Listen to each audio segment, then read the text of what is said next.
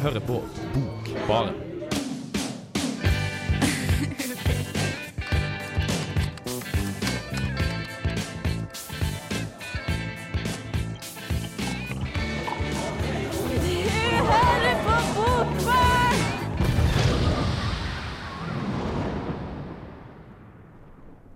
Hei og hjertelig velkommen, kjære lyttere, til vårt program Bokbarn.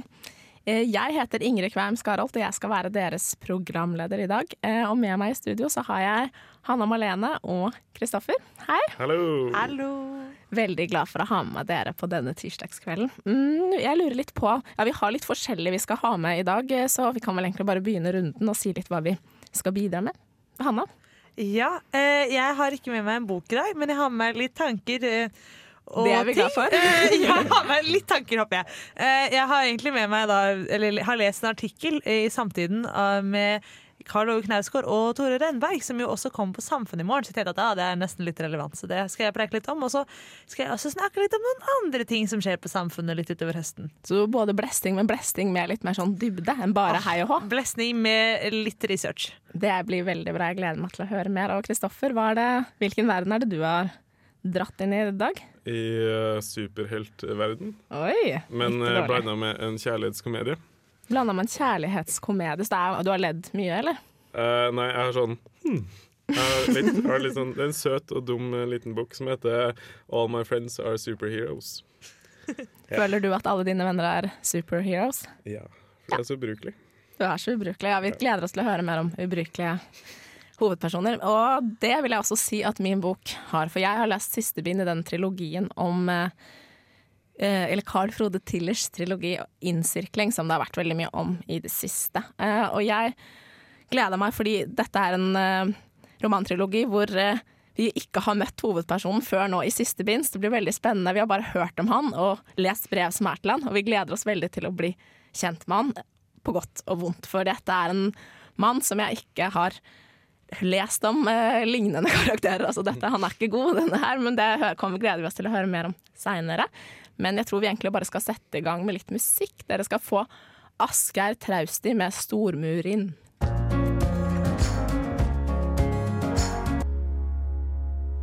Hej, du lytter til Jens Blindstrup fra Danmark, og nå skal du høre Bogbaren. Uh!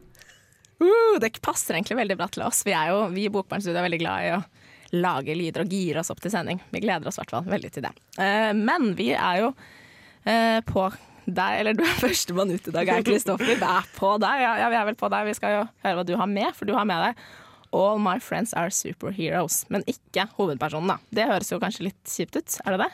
Ja, men det, det er en kjærlighetskomedie, så det er mer enn eh, at han er liksom trist og har litt sånn vondt. Men de superheltene i den boka her, de er egentlig bare så vanlige mennesker. Men de vanlige menneskene er liksom konsentrert til ett navn. da. Okay. Så hvis du er veldig flink til å kjøpe banan på butikken, så heter du Bananjenta. Ok, Så det er liksom én ting som er deres superkraft, og det er en sånn type ting som å kjøpe banan på butikken. Men er, er det da likevel ingenting han er god på, hvis det er så lav terskel? Eh, nei, det er, det er noen som er usynlige, og noen som, er, som har sånne superhelter. Mm. Det, de, har, de får liksom ikke noe ut av det. De redder ikke mennesker, de går bare på fest og er rar. Ja, og er rar, rett og slett. Men grunnen til at jeg kjøpte den boka, eller fant tak i den, var fordi uh, navnet på han som har skrevet den, heter Andrew Coffman. Ja, og det er et navn som du har et, eh, eller som du er litt sånn nysgjerrig på, fordi du kjenner eller vet om flere som er eh, En Som- god venn av meg på 60-tallet. Alle Ja, alle, er du har så mange venner. Jeg skulle ønske at jeg hadde evnen sånn som det. Du, altså, du kan jo leve i alle verdener, sånn som vi Du tror faktisk at du lever der, og ikke bare leser deg inn i det, men du lever i andre verdener også, du. Ja, jeg kan jo være vennemann, fordi jeg har venner overalt. Og han, Mhm. vennen min, som heter Andrew Coffman, han var en komiker på 60-tallet. Okay. Som, var- som folk ikke trodde var liksom ironisk. Han var liksom bare veldig rar. Veldig rar. Eh, Er det litt samme type tone her, selv om det ikke er den samme Coffman? Eh, det er jo ironisk og søtt. Det var han også. Han Andrew Coffman på 60-tallet, som var komiker. Ja. Han var med på The Love Game, som handler om at det er ei jente eller en mann som eh, har en sånn vegg mellom seg med tre personer av motsatt kjønn. Okay. Der sneik han seg inn, og så liksom sa han til den ene personen som skulle være med, at han ikke fikk lov. At det var bare Nei, det er ikke Du må gjøre noe annet. Mhm. Så han snek seg og satte på, seg på den stolen og lot som han var en person fra Bulgaria. En liten uh, gruvearbeider. gruvearbeider. Gruvearbeider. OK, så han er ganske leken type, da. Det er også en annen som heter Charlie Kaufman. Charlie Coffman, ja, en, det eh, fins flere her. Som er en eh, regissør fra Amerika, som er veldig ram nå. Um, Hva sa du som er veldig Ram nå, han er veldig Ramno, ja, ja. i nuet. Uh, han eh, hadde en som heter eh, 'Eternal Sunshine for a Spotless Mind', Ah, ja! som er med Jim Carrey og ja! eh, Den da- har jeg faktisk hørt tittelen på. Ja. Som også er litt morsomt. Mm. nå en fun fact. Uh, fordi Jim Carrey spiller i 'Man on the Moon', som er filmen om Andrew Coffman, han komikeren. Oh, ja. Mm. Så, Så her er det mange Kaufman. Vi, om vi ikke ble nysgjerrig på boka, så ble vi nysgjerrig på det. da. Men uh, sjekk ut både Andrew Kaufman, uh, forfatteren, eller han kanadiske forfatteren, og komikeren fra 60-tallet, og Charlie Kaufman, filmregissøren.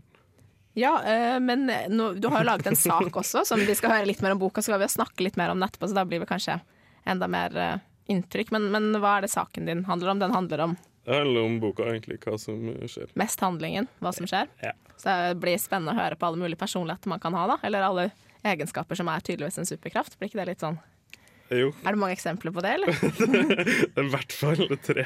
Hvert fall tre, for det er vel 50 man møtte, var det så mange? Jo, jeg tror, det. men jeg tror den bare har samla masse superhelter, og så har den skrevet en bok om dem, kanskje. Nå kan du finne ut hvilken superkraft du har. Tom har ingen superkrefter. Alle vennene hans derimot har superkrefter. Copycat, The Slat, The Couchsurfer, The Frogkisser, Stress Bunny og The Dancer blant andre er noen i verden, men Tom er ingenting. Det er ganske uheldig, for han er forelska i The Perfectionist, og hun gjør alt perfekt. Og ikke bare er Tom uten superkrefter. Tom er for The Perfectionist. For the first week of invisibility, Tom did nothing but follow her around. There are perks to having a lover believe you're invisible. He watched the perfectionist dress and undress. He watched what she watched on television when she thought he wasn't around, mainly game shows and reruns. He watched her separate the colored laundry into shades. In ways, his invisibility let him be more in- intimate with her, but safer at the same time, and he fell deeper in love with her. All My Friends Are Superheroes er en kjærlighetskomedie, men langt ifra klissete. Der det vanligvis er fylt med ubehagelige pauser og påtatt omtenksomhet, har Andrew Coffman laga en kreativ pamflett av en roman. Det er et univers med superhelter i boka, så Coffman kan dra metaforene veldig langt. På ett punkt har hovedpersonen kjærlighetssorg, så han må dra til garasjen til en fyr, der brystkassa hans blir åpna som framdelen på en bil. Han finner ut at hjertet hans er tetta igjen med gamle kjærester. En etter en blir spøkelsene dratt ut av brystkassa. Tom climbed onto the kitchen table. He was naked. The linoleum tabletop was cold on his cheek. Ambrose snapped a rubber glove over his right hand. He put one finger up Tom's anus. Tom gasped. Ambrose pulled up and Tom felt a pop in his chest. Ambrose turned him over and Tom saw how his chest had released, come open like the hood of a car. Ambrose raised Tom's chest, popping it open with a rib bone at a 45 degree angle. He started poking around in there. Historien om Tom uten superkrefter er søt og dum, men på alle gode måter. Andrew Coffman leker seg med språket. Han har evnen til å dra noe ganske enkelt til noe kreativt og søtt. Boka er på snaue 111 sider, så den passer godt til en buss- eller flytur.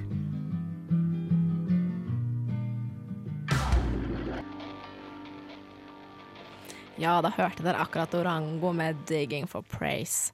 Men før det så hørte vi jo på Kristoffers eh, anmeldelse slash innholds, eh, innholdsinformasjon, nei, hva heter det? Handlingsreferat fra um, All My Friends Are Superheroes. Så nå har vi Men da, du har skildra forskjellige karakterer som har en superkraft som dominerer dem veldig, da. En tydelig egenskap som derfor som, som de også heter, på en måte. Var det ikke det du sa? Jo, det er vel også det. Det er kanskje litt fint, for da får han eh, Tom litt mer sånn rom til å gjøre hva som helst. Kanskje det som definerer han, er at han er forelska, men det er en person som Så det kunne han egentlig hatt som en superkraft? Er han veldig god på å være forelska? Uh, han er jo det veldig lenge. Han er jo veldig sånn bestemt for, for hun eh, det er perfectionist, og det er jo veldig søtt. Det er sånn. veldig søtt. Men det er, som, det er en person som heter The Heartbroken Man, så det navnet allerede er taft. Og det er allerede taft. Men hvis den blir heartbroken, da, kanskje blir det, kanskje han ikke. Jeg vet ikke. Ja, for Kan man på en måte pushe ut hvis du plutselig føler noe sterkere enn en annen? Kan man da plutselig bli the heartbroken mann? Ja, det er sånn de blir, da. Sånn, eh, for det er en som er usynlig, og så uh, har ikke lyst til å bli usynlig, så han maler seg sjøl blå. Ja. Og så blir han blå mann istedenfor. Istedenfor usynlig mann. Så man kan på en måte bytte navn. Det er bra at det er håp, da. Men uh, hva syns du om altså Etter hvert så kommer vi jo til eh, Jeg skal ha meg innsirkling i dag, som handler kanskje mer om det komplekse i mennesket da, enn så enkle som disse er. Eller ikke enkle, kan man kanskje ikke si, men at de har en så tydelig egenskap som man føler sier alt, at man trenger ikke bruke den tiden på å analysere dem. At de er litt mer de typene. Hva, hva føler du du får ut av dette sammenligna med andre bøker som forteller litt om en brutal eh, Eller hvor vanskelig det er å leve, eller hvor vanskelig det er å være menneske, på en måte. Eh, Det var en god bok. De, han leker jo veldig med språket, han Andrew Coffman. Så det er andre ting som er litt i fokus, som er språk og humor og sånn. Ja, men det var en sånn lett bok, så hvis du bare tar den med på en reise, så kan det være veldig greit å bare gå bort i All My Friends Are Superheroes. Ja, det er liksom lett å komme inn og ut av den, på en måte. Mm. Ja. Tror du er ferdig med den på to timer hvis du er flink. Så bra, da. Mm. Og så er det jo litt gøy å se på hvor ekstreme noen egenskaper kan gjøres. Da. Det syns jeg i hvert fall er litt sånn gøy med litt sånn karikatur. Mm. Ja, ja. Men jeg, jeg reiste. Jeg var på Ja. interrail i fjor sommer, ikke sommeren her, men Ja. sommeren før. Da var jeg på interrail med en som heter Vippeland, en som heter Vegard. ja. Og så når vi tok tog fra Venezia til Pula i Kroatia, Mm. så var vi i Bulgaria, og da lå Vippeland og sov. Og så så jeg på Vippeland når han sov, eh, fordi jeg hadde ikke noe å gjøre. Og så så jeg på tærne hans, og så så jeg at de bevegde seg ikke likt. Sånn at han bevegde ikke bare store tå og andre tærne, Hun bevegde alle i forskjellige Oi. liksom, Men Hadde han kontroll på det, eller var det noe som skjedde bare da han sov? Uh, um, jeg tror han hadde kontroll på det. Jeg spurte han når han våkna om hei du, tærne dine de beveger seg. Ikke likt. Det er jo veldig stas å få oppmerksomhet for en så liten ting. Da, på en måte. Det kan jo den boka lære oss, at man kan, det er små ting som kan gjøre at du virkelig er litt sånn kul og spennende. Det er ikke så mye som skal til. Ja. Ja, for hva, Har dere noen superkrefter? Hanna, har du det? Nei, altså jeg har vel egentlig ikke det, men Vi snakket om tær, og jeg er egentlig god til å sprike med tærne. Så det er kanskje det nærmeste jeg kommer her. Så Det er Ja. liksom en katt. Ser ut som en katt, rett og slett. Og jeg har et Veldig veldig stort mellomrom mellom store tåa mi og neste tå, så det er nesten plass til en ekstra tå. Og Ingvild, vår tekniker, har ikke du til og med en liten tåhistorie, eller tåskill? Jo, en liten en. Eh, Hvis man isolerer eh, den tåa som er ved siden av stortåa, så ser det ut som en lillefinger. Vi skulle sett tærne våre her, nå har vi vært inne. Men Kristoffer, har du noe tå, tåhistorie? Tåbidrag? Um, ja, det er litt det samme som Ingvild. Det ser ikke ut, men den er ganske lang. Den som er Ganske med lang. storta. Men jeg har en annen superhelthistorie. Men jeg vet ikke om kanskje den superhelthistorien skal komme etter en uh, låt først. Så yeah. tror jeg vi skal høre litt mer på superheltene seinere. Men da skal vi høre på Stephen Marley med 'Keeper of the Flame', feat Nina Simone and uh, Wyclef Jean. Eh, Ja, jeg heter Dag Solstad, og dere hører nå på Bokbaren, og der er altså jeg. Ja, dere hører på Bokbaren. det gjør dere. Eh, og nå, det siste vi snakket om i stad, var jo Kristoffer og superheltboka hans. Og det var en historie som han hadde veldig lyst til å fortelle, eller om sin egen superkraft, så jeg syns vi skal høre på den før vi skal snakke om min bok i dag, som er Innsirkling 3. Så vær så god, Kristoffer, scenen er din. Takk. Når jeg var åtte eller ni år, så trodde jeg at jeg hadde en superkraft. Eh, Jeg kom hjem fra trening, eller faren min kjørte meg hjem. Så satt jeg i baksetet og sa til faren min hei, eh, jeg tror jeg har en superkraft.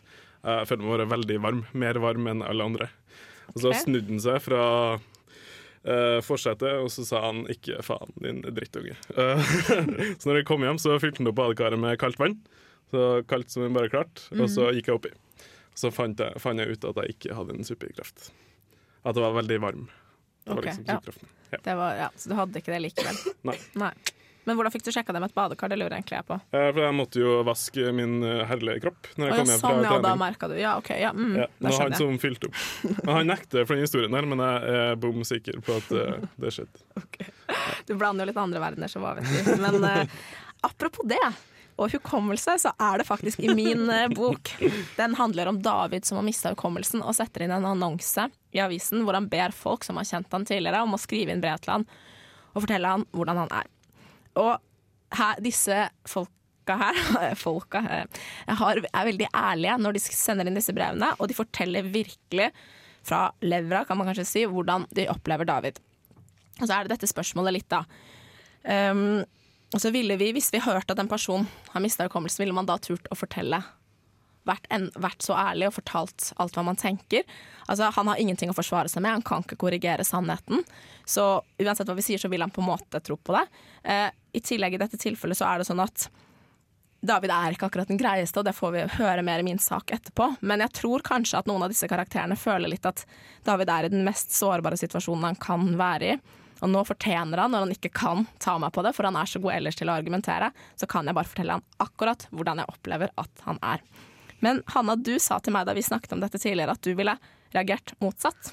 Ja, altså Jeg syns bare dette høres veldig så forferdelig ut. Og vi snakket jo på en måte at det er litt samme som når noen er død. ikke sant? Så skal man på en måte skrive om det, så skal man på en måte si akkurat hva man vil. Og da pynter man jo veldig på det. For nå mm. vi skal ære den dødes navn. Og jeg føler litt at, Men nettopp det med at han er i en posisjon hvor han kan jo virkelig ikke forsvare seg. Han kan ikke si sånn nei, nei, det var ikke sånn jeg var, det var ikke sånn jeg mente det. For han husker søren meg ikke en drit. Så hvorfor skal du liksom drive og rakke opp med at han er en skikkelig drittsekk? Du må være ganske drittsekk, da. Før jeg hadde gått til det punktet at jeg hadde fortalt deg at du var en skikkelig drittsekk. Ellers hadde jeg prøvd kanskje nettopp å være sånn ja, det var kanskje ikke helt bra hele tiden, men altså, på en måte gitt litt mer sånn faktaopplysninger. Sånn og sånn og sånn det har skjedd, dette har du gjort i livet ditt, tralala. Uten å på en måte kanskje vinkle litt annerledes. Da. Så kanskje han tror han er en litt hyggeligere person. Kanskje han klarer å utvikle seg til en hyggeligere person ved å Ja. slippe å få liksom, det første du får i trynet, er sånn alle hater deg. Selvfølgelig blir du en kjip person igjen da. Ja, det er noe, men det kan man endre, det ved at man skriver om eh, historien, på en måte. Språk kan endre virkeligheten. Språk kan endre virkeligheten. Ja, eh, for det er jo også noen som, i hvert fall en karakter i den første romanen, som kritiserer eh, David, da, en kjæreste han har, for at dette kanskje ikke har du mista hukommelsen. David vil du egentlig Her er vi ganske på lavt grunn, og vi bruker faktisk masse krefter på å fortelle deg hvordan du er, og det er ganske vanskelig å gå tilbake i tid, men er dette noe du bare utnytter oss for, eller trenger du faktisk vår hjelp? Har du egentlig mista hukommelsen? Er dette et kunstprosjekt? Så det er jo noe som som de stiller spørsmål med, som du får svar på her. Men det er ikke min anmeldelse, for det syns jeg du skal finne ut av selv. Men um, jeg tenker kanskje at dere skal få lov å først høre på Kaja Gunnufsen som drar til Syden og flykter fra alt. Men etter det så skal dere høre på Innsirkling, og da er det kanskje det viktigste at man ikke skal flykte fra alt. Innsirkling. Carl Frode Tiller har lagt siste hånd på verket. Romantrilogien Innsirkling er avslutta, der Tiller har valgt det noe uvanlige grepet sirkle inn en hovedperson vi først møter i tredje bind. Rammene for fortellingen er David som har mista hukommelsen, og setter inn en avisannonse der han ber personer fra fortida fortelle han hvem han er. Det er et risikofylt, men viktig prosjekt som gir svar på ubehagelige spørsmål. Er vi i stand til å vite hvordan omverdenen oppfatter oss? Og hvem sitter egentlig på sannheten? Siden 2007 har vi møtt åtte modige brevskrivere med forskjellig bakgrunn og betydning i Davids liv. Vi har valgt, eller kanskje vært nødt til, å skrive. Brevene er ofte brutalt ærlige og har vært muligens like forløsende for brevskriverne som for David. Parallelt med brevene møter vi også karakterene i deres hverdag, og felles for dem er mangelen på optimisme. Det er innsyn i menneskeliv preget av mørke familiehemmeligheter, dysfunksjonelle forhold og ikke minst et inntrykk av at ingen er i stand til å ta vare på det. Sånn på ordentlig. Er det virkelig helt jævlig å leve? Alle brevskriverne har en eller annen tilknytning til David, og derfor naturlig nok noen fellestrekk med hans personlighet. I siste bind møter vi Susanne, som sjarmeres og inspireres av Davids postmodernistiske tankegang. En kunstnerspire og et forfattertalent som hjelper henne å ikke ta alt så alvorlig hele tiden. Men har man rett til å flykte fra en verden man aldri egentlig har vært en ordentlig del av? Men i motsetning til hva jeg kanskje hadde trodd, viser du absolutt ingen respekt for at jeg bøyde meg for argumentene dine, og innrømte at du hadde fått meg til å se naiv super med nye øyne. Tvert om. De forsto deg ikke på slike som meg, sa du. Og så rista de på hovedet og lo. Først avskyr du boka og rår alle fra å lese henne. Men straks har jeg sett teksten inn i et samfunnsperspektiv og improviserer fra meg en lettvint tolkning med en slags politisk budskap, så forandrer du mening. Herregud, menneske. Du er to, kanskje 23 år, men du opptrer som en sur og streng gammel AKP-er. Alt i boka må liksom gå opp, og ikke bare gå opp. Det må gå opp på en måte som gjør at boka kan brukes til noe samfunnsnyttig. Her løfta du hendene og laga hermetegn med fingrene, husker jeg. Det er jo først når du greier å redusere ei bok til et banalt kamprop at du synes hun er god, virker det som. Det var ikke før lenge etterpå at jeg skjønte hvor sterkt inntrykk det du sa, faktisk gjorde på meg. Jeg husker ikke hvordan jeg reagerte der og da, men jeg tror ikke det skjedde noe spesielt. Diskusjonen døde vel bare ut slik som diskusjoner vanligvis dør ut, vil jeg tro. Kanskje en av oss som reiste seg og sa han ville ha påfyll på kaffen. Var det noen andre som ville ha? Kanskje var det en som så på klokka og ble overraska over hvor mye hun var. Forelesninga begynte om to minutter, han måtte skynde seg. Kanskje var det en treere som spurte om det var stemning for å gå på 3B i kveld. Kan fiksjon gjøre verden til et bedre sted? Kan man flykte inn i fiksjonen? Dette er spørsmålene som David utnytter til sin fulle rett, og utløser en hevnlyst hos Susanne som er grusom, men nødvendig. Vi møter også Marius, som etter et uhell ble forbytta på fødeavdelinga, og nå har vokst opp hos Davids biologiske foreldre. Han er i utgangspunktet sympatisk, men bitter fordi omverdenen ser på han som en intellektuell fyr som aldri tar noen sjanser. Og nå har han blitt en livsløgner. Han ligner jo egentlig ganske mye på David, og vi kan stille spørsmålet hva har størst betydning, arv eller miljø? Jeg hadde uansett tenkt å reise dagen etter, men fordi jeg ikke makta å verken se eller snakke med mamma og pappa akkurat da, sto jeg opp langt tidligere enn jeg hadde tenkt. La igjen en kort beskjed på kjøkkenbordet, der jeg skrev at jeg håpa alt ordna seg mellom deg, og så dro jeg tilbake til Trondheim for å fortsette studiet. Den første tida prøvde jeg å gjøre det som jeg og mamma og pappa hadde vært enige om var det beste. Jeg prøvde å late som alt var som før. Jeg hadde hatt en god oppvekst. Jeg elska både mamma og pappa. Og jeg sa til meg sjøl at jeg ikke hadde behov for å vite noe som helst, verken om de biologiske foreldrene mine, eller om deg, David. Men etter hvert var det som om jeg begynte å se mitt eget liv fra et litt annet perspektiv enn jeg hadde gjort tidligere. Spesielt livet mitt slik det hadde vært de siste åra. Kort fortalt begynte jeg å få øye på hvor forskjellig foreldrene mine hadde behandla meg og Rikard etter at jeg fikk vite hva som skjedde. Han hadde aldri behandla meg og Rikard forskjellig tidligere, men da han fikk vite at jeg ikke var den biologiske sønnen hans, begynte han straks å legge til rette for at det var Rikard som skulle ta over forretningene. Han gjorde det på en så diskré og tilforlatelig måte at jeg ikke tenkte over det da det skjedde. Men da jeg satt på hybelen min utpå nyåret i 1994, så skjønte jeg plutselig hvorfor han ikke la seg opp i hva slags utdanning jeg tok. Og så møter vi David. Jeg må innrømme at jeg er litt ambivalent til det hele. Vil prosjektet til Tiller falle i grus av dette? Men jeg er jo også nysgjerrig. Er David virkelig det monsteret vi har fått inntrykk av at han er? Vi møter han i samtale med psykiater, og man får ikke akkurat lyst til å stryke ham på kinnet. Og det er også bygd opp en forståelse om at Davids forsoning med verden er umulig. Likevel, det kommer et punkt, heldigvis, der ingen unnskyldninger er gode nok, og fluktmulighetene er blindveier, institusjon eller livet. Er David modig nok til å ta det ansvaret? Tillers blikk på omverdenen er rått og vondt, men så viktig at jeg med klar stemme kan si fiksjon forandrer virkeligheten.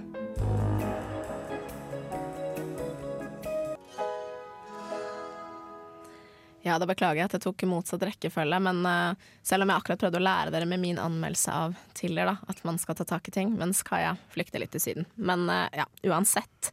Fordi uh, jeg tenkte vi skulle snakke litt mer om alle de brevskriverne, eller de som skriver inn til David.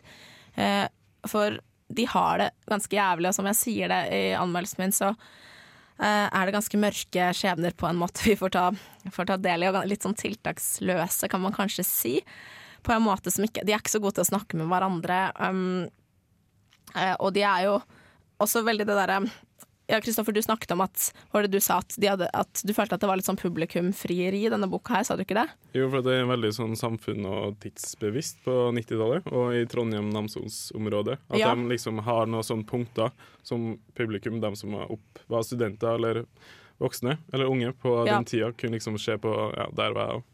Ja, for det er litt uh, det som kommer fram. Det jeg egentlig skulle, trengte med den kommentaren din, var litt at jeg skulle komme inn på temaet. At uh, det er veldig mange av dem som uh, tolker alt i verste mening, kan man på en måte si. At alle kommentarer de får, går veldig mye på, går, føler de alltid er en kritikk retta mot den bakgrunnen de har. De er veldig sånn bevisste på hvor kommer du fra, hvor mange penger tjener faren din, og veldig sånne type ting som kanskje var litt mer oppi vinden på den tiden. Da. Um, og noen ganger så er, føler jeg at det egentlig er rent menneskelige ting de feiler litt på, men de skal alltid på en måte kunne unnskylde det litt ved at de ja, de føler at bare kritikken de får, føler de alltid er liksom noe sånn retta til der hvor de kommer fra, mer enn faktisk hvem de er. da. Det å hjelpe til hjemme ha, hvis en person som egentlig er høyere stilt enn deg sånn fra bakgrunnsmessig, kritiserer deg for at du ikke hjelper til hjemme, så er det ikke fordi du kommer fra en lavere klasse, men fordi det å hjelpe til hjemme er helt naturlig, da.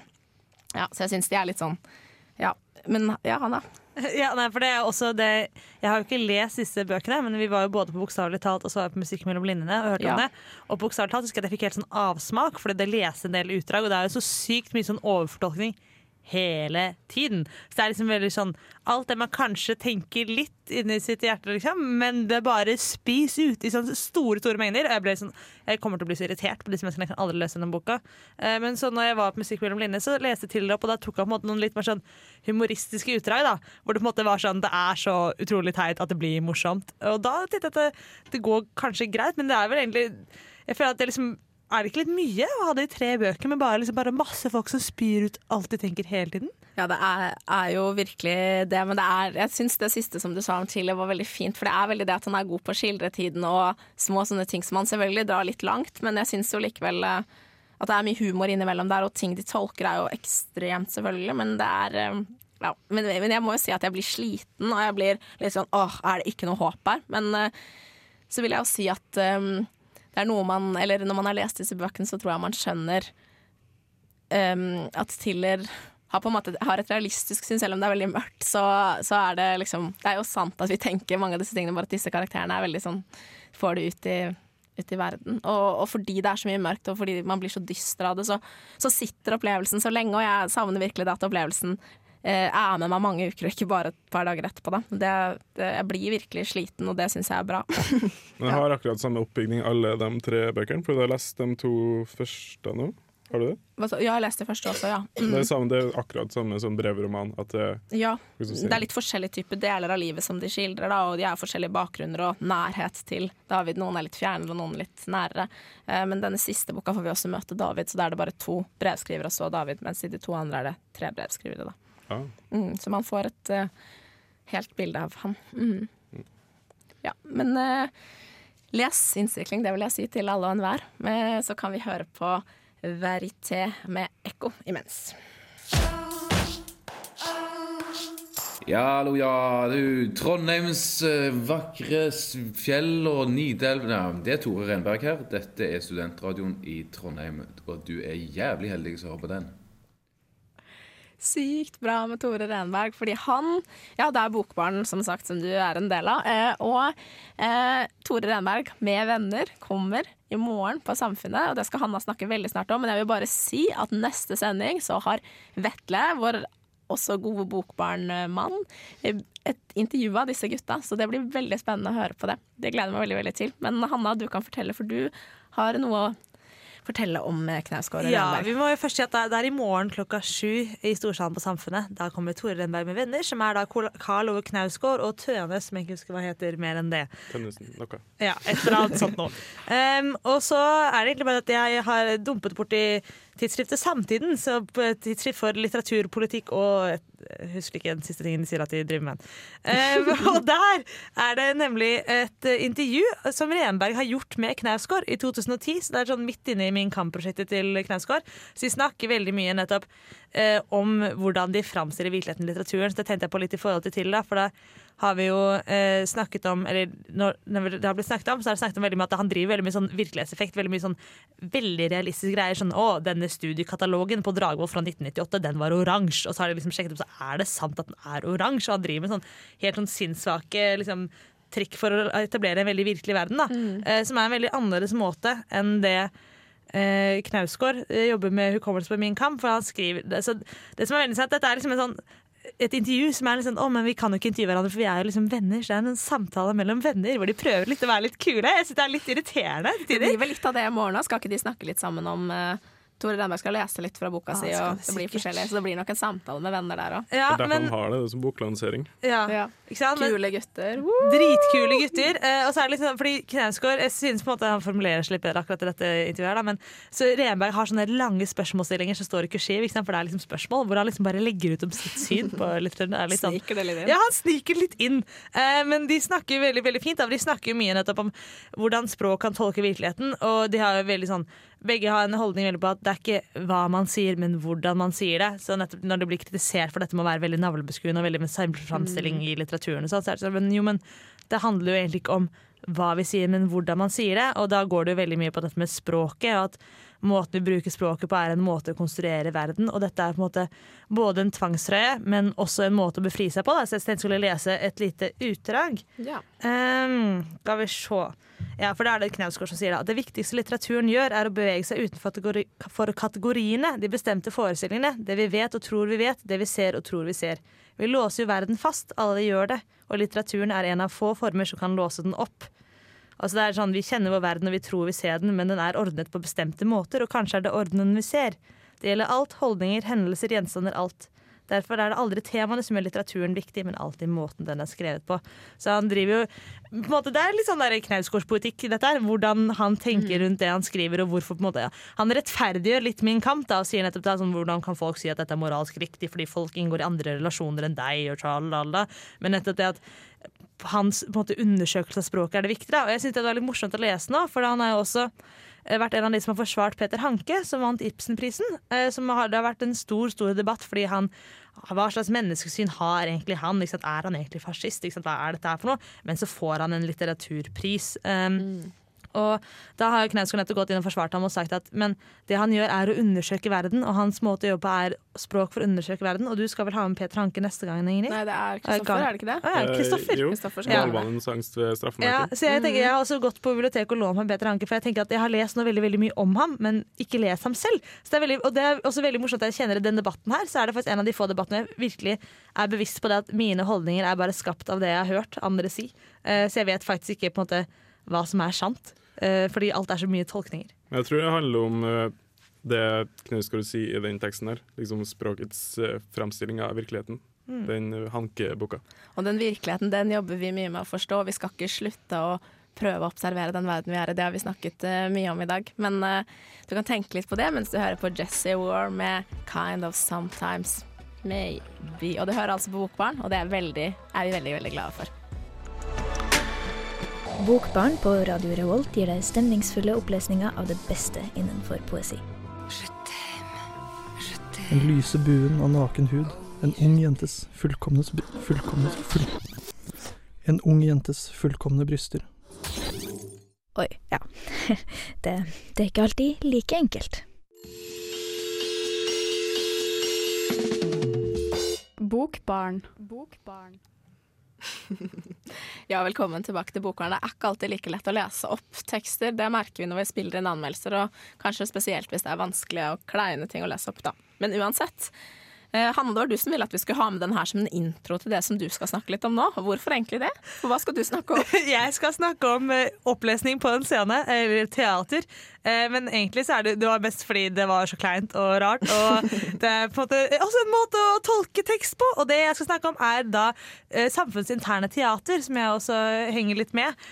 Som setter opp Knut Nærums versjon av Per Gynt, som heter Ja. Per! utropstegn. Og det er da en, ganske annen tolkning av Ibsens eh, tradisjonelle stykke. Så på en måte Historien er det samme. På en måte Per treffer de samme menneskene, og sånn, og så er det litt endra på slutten.